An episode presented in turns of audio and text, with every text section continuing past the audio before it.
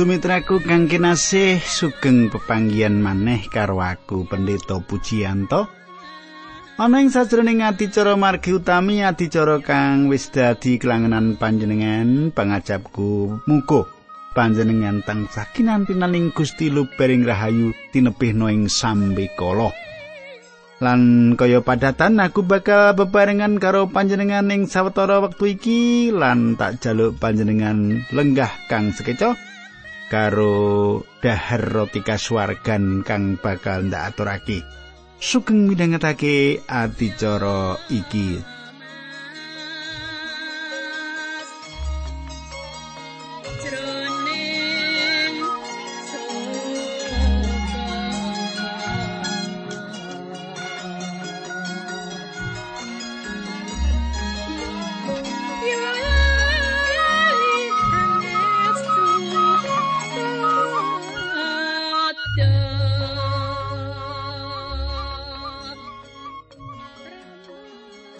Sumitraku drewerane ilu penyakit iku.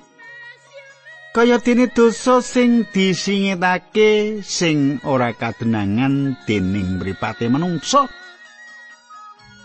nanging ngarsane Allah kudu diakoni lan kudu disuwunake pangapura marang Allah. Banjur kepriye sebanjure ayo ndak derekake nanging sadurungi diterusake aku ndereke panjenengan ndedonga. Duh Kanjeng Rama ing swarga kawula ngaturaken gunging panuwun ingkang tanpa upami dene wekdal menika kawula saged tetunggilan kalian sederek-sederek kawula ingkang setya midhangetaken adicara menika. Kawula nyuwun paduka berkahi adicara menika ing wanci menika supados ingkang sakit paduka sarasaken ingkang sisah paduka lipur ingkang ringkih imanipun paduka kiyataken lumantar pangandikan patuko. Dinambaran asmanipun Gusti Kawulo Yesus Kristus Kawulo Netungo. Haleluya. Amin.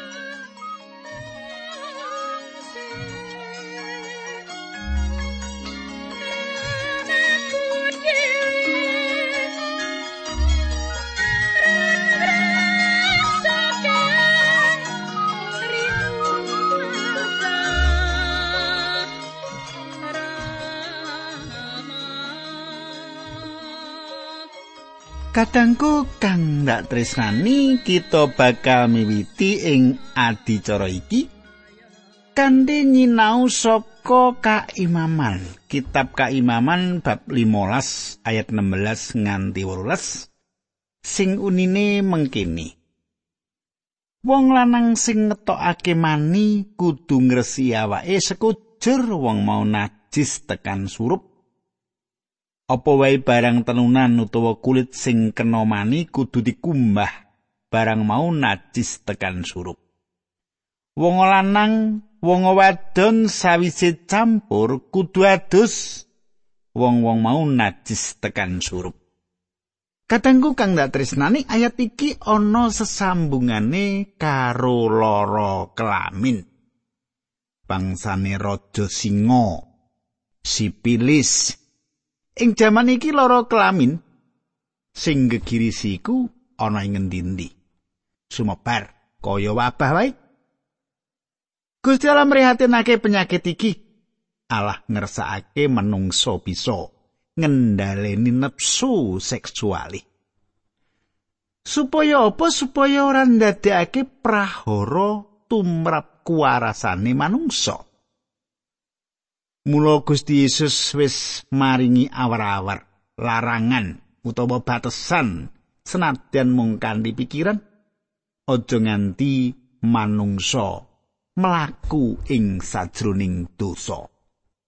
Coba panjenengan gegayutan karo perkara iki panjenengan semak Matius 5 ayat 17 nganti ayat 18. Panjenengan semak ayat pitulikur nganti wolikur Matius 5. Kowe wis padha ngerti piwulang sing surasane kowe aja laku jina. Nanging saiki kowe ndak kandhani sing sapa mandeng wong wadon kanthi rasa sir. Wong mau wis laku jina karo wong wadon mau ing sajroning atine. Pirsaya panjenengan ya, sing sapa mandeng wong wadon kanthi rasa sir wong mau wis laku jina karo wong wadon mau ing sajroning atine. Saiki diteruske kaimaman 15 mau ayat 19 nganti ayat 24 tak wacake panjenengan semak sing nastiti yo wong wadon sing lagi nggarap sari kuwi najis lawase pitung dina. Sapa sing gepok wong wadon mau najis tekan surup barang sing dilunggui utawa dituruni wong wadon sing lagi nggarap sari iya dadi najis. Sapa sing gepok panggonan sing mentas dituruni utawa dilunggui wong wadon sing lagi nggarap sari, kudu ngumbah sandangane lan adus wong mau najis tekan surup. Wong lanang sing nuroni wong wadon sing lagi nggarap sari, kuwi najis lawase pitung dina lan peturon sing dituruni mau iya dadi najis. Katanggu.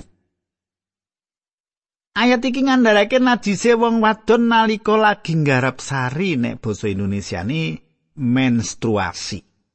Nalika wong wadon ngalami nggarap sari dipisahake karo sagolongane lan wong-wong sing ditresnani. Kahanane mek kaya wong sing nandang loro lepra dipisahake karo liyan. Kok katone kejem ya? Mitraku. Iki kabeh ditata dening Gusti supaya manungsa ora mlaku ing dalane dosa kaya ing isine kitab purwaning dumati ukumane pati.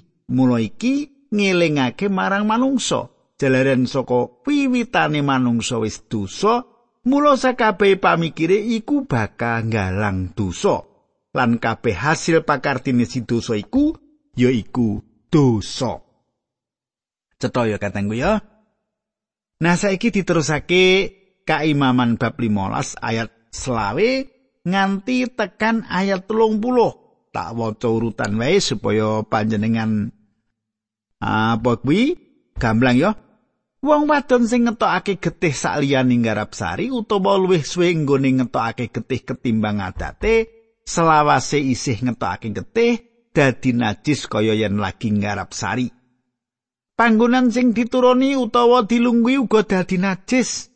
Sapa sing gepok panggonan mau iya dadi najis. Wong mau kudu ngumbah sandangane lan najis tekan surup. Yen nggone ngetokake getih wis mampet, wong wadon mau kudu ngenteni pitung dina meneh. Lagi sawise kuwi dadi resik manut pernataning agama. Ing bolong dinani, wong mau kudu nggawa manuk dara utawa manuk drekuku loro dipasrahake marang imam ana ing lawange kemah palenggahane Allah. Manuk sing siji disaosake kanggo kurban pangruwating dosa, sijine kanggo kurban obongan. Mengkono patrape nindakake upacara sesuci manut pernataning agama kanggo wong wadon. Katenggu ayat-ayat iki menehi gambaran marang keprihatinane wong wadon nalika ngrajak getih. Kaya sing ditulis sing Lukas 8 ayat patang puluh telu tekan patang puluh songo. Torat pancen wis misahake wong wadon mau saka sak pepadani nanging bareng nyekel bareng gepok bareng nyinggol marang Gusti Yesus wong wadon mau ngalami dadi waras. Senajan turat ora ngeparengake wong wadon mau mlebu ing bait suci nanging sih rahmate Gusti Yesus wis kepareng maringi waras lan malah imane dipepuji dening Allah pribadi ngedapi-dapi Gusti Yesus dadi sumber sing bisa ngersiki saking dosa. Saiki kita terus ke kaimaman 15 ayat 31 tekan 33. Gusti Allah dawuh marang Musa, ngilekake bangsa Israel supaya padha nggatekake awake najis sapa resik, aja nganti wong-wong mau gawe najise kemah suci sing ana ing tengahe bangsa mau, sapa sing gawe najise kemah suci bakal nemai mati. Mengkono mau pernatan-pernatan bab wong lanang sing ngetokake umbelan mani.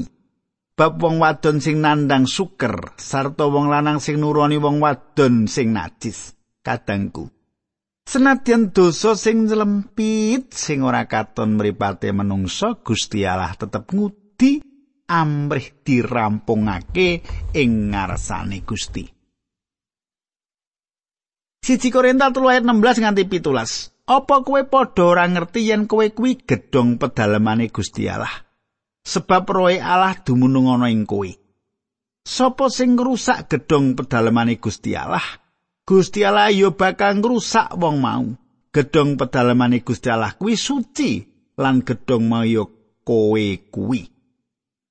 Kadangku kita iki kagungane Allah.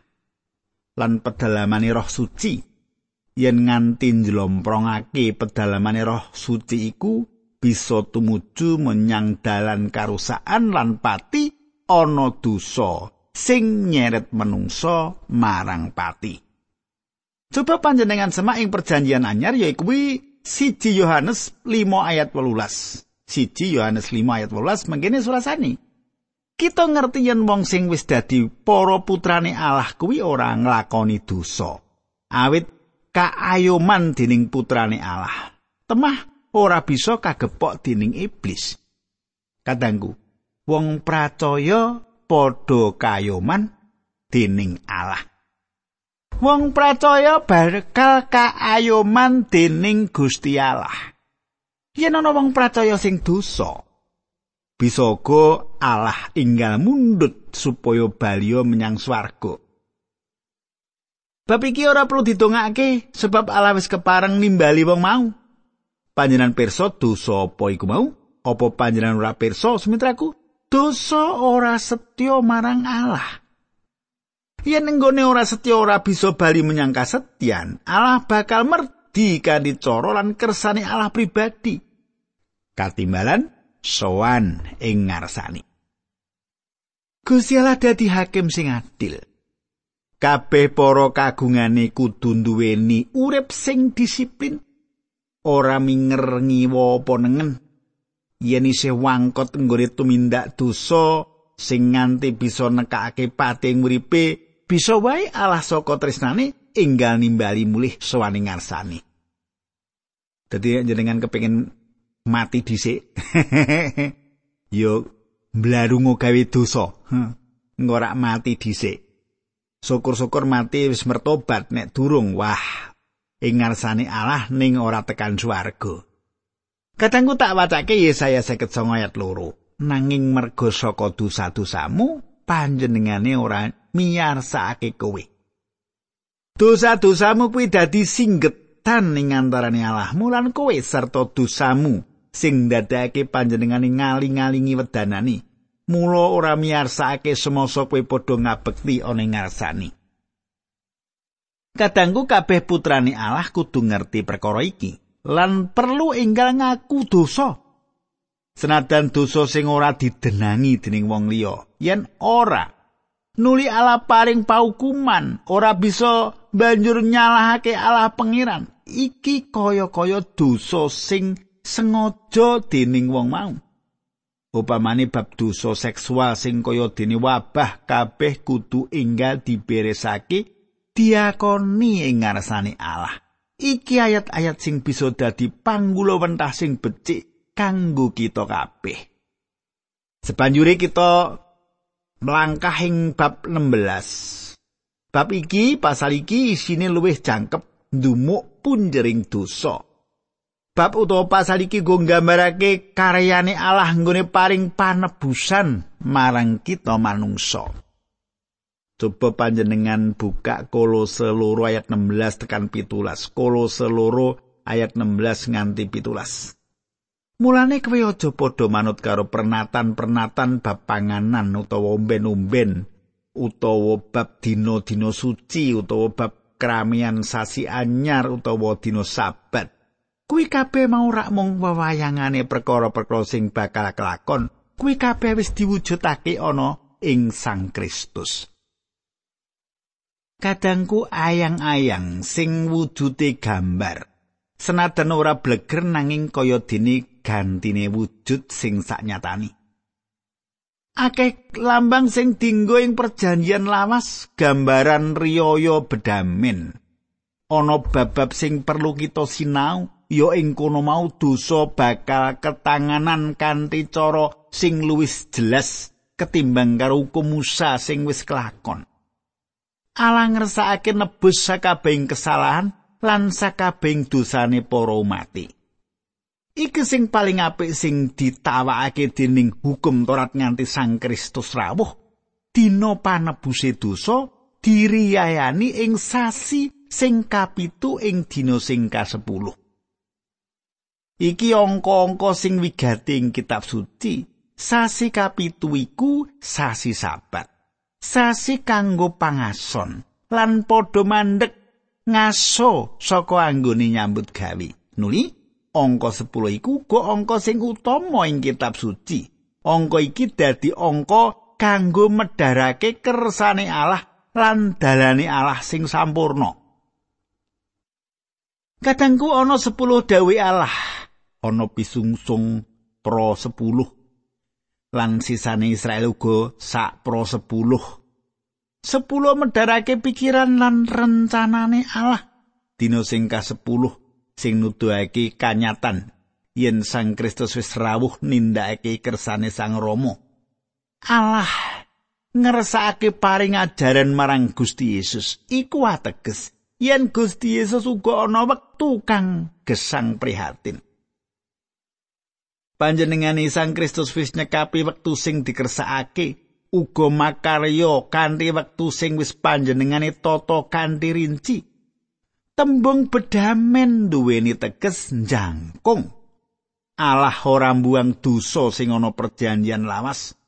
Panjenengane mung nutupi sawetara nganti Gusti Yesus rawuh lan ngresiki kabeh woe pakarti dosa. Riyaya bedamen nuduhake Sang Kristus lan panebusan sing wis ditindakake dudu pisungsung utawa kurbane upacara utawa hukum ing perjanjian lawas sing ngatur. Bedamen iki nedake Sang Kristus sing minangka imam agung kita lan sing wis manjing ing papan maha suci kanggo kita. Saiki kaimaman 16 ayat siji loro tak wacake ya. Sapatini anake Harun loro nalika lagi padha marek ing ngarsane Allah, Allah banjur ngendika marang Musa. Pangandikani, kondo karo kakangmu Harun yen mung oleh mlebu ing papan mau suci sing ana ing sakmurine geber mung ing wektu sing wis ndak tetepake merga ing kununggonku ngetinggal ing mega ing dhuwure peti perjanjian yen rak dawuh kuwi Harun bakal mati. Katanggu Pahukuman lan hukum apa dene upacara agama ing dina pedamen saiki dadi wigati banget sawise ana kedadian patine Nadab lan Abihu putrane Harun sing mati dipolo dening Allah piyambak nalika wong loro iku padha mlebu panggonan sing maha suci.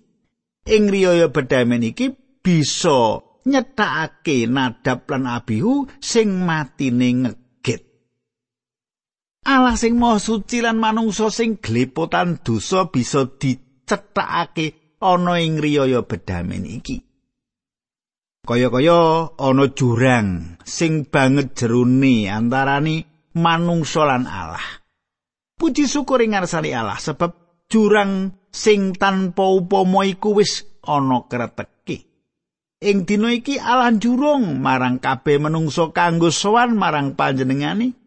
Mung sarate kudu kanthi cara sing wis ditetepake dening Allah piyambak Nalika panjenengan sowan marang Allah kanthi ngestokake apa sing dikersakake dening Allah, panjenengan bakal sowan kanthi penggalih sing tetek.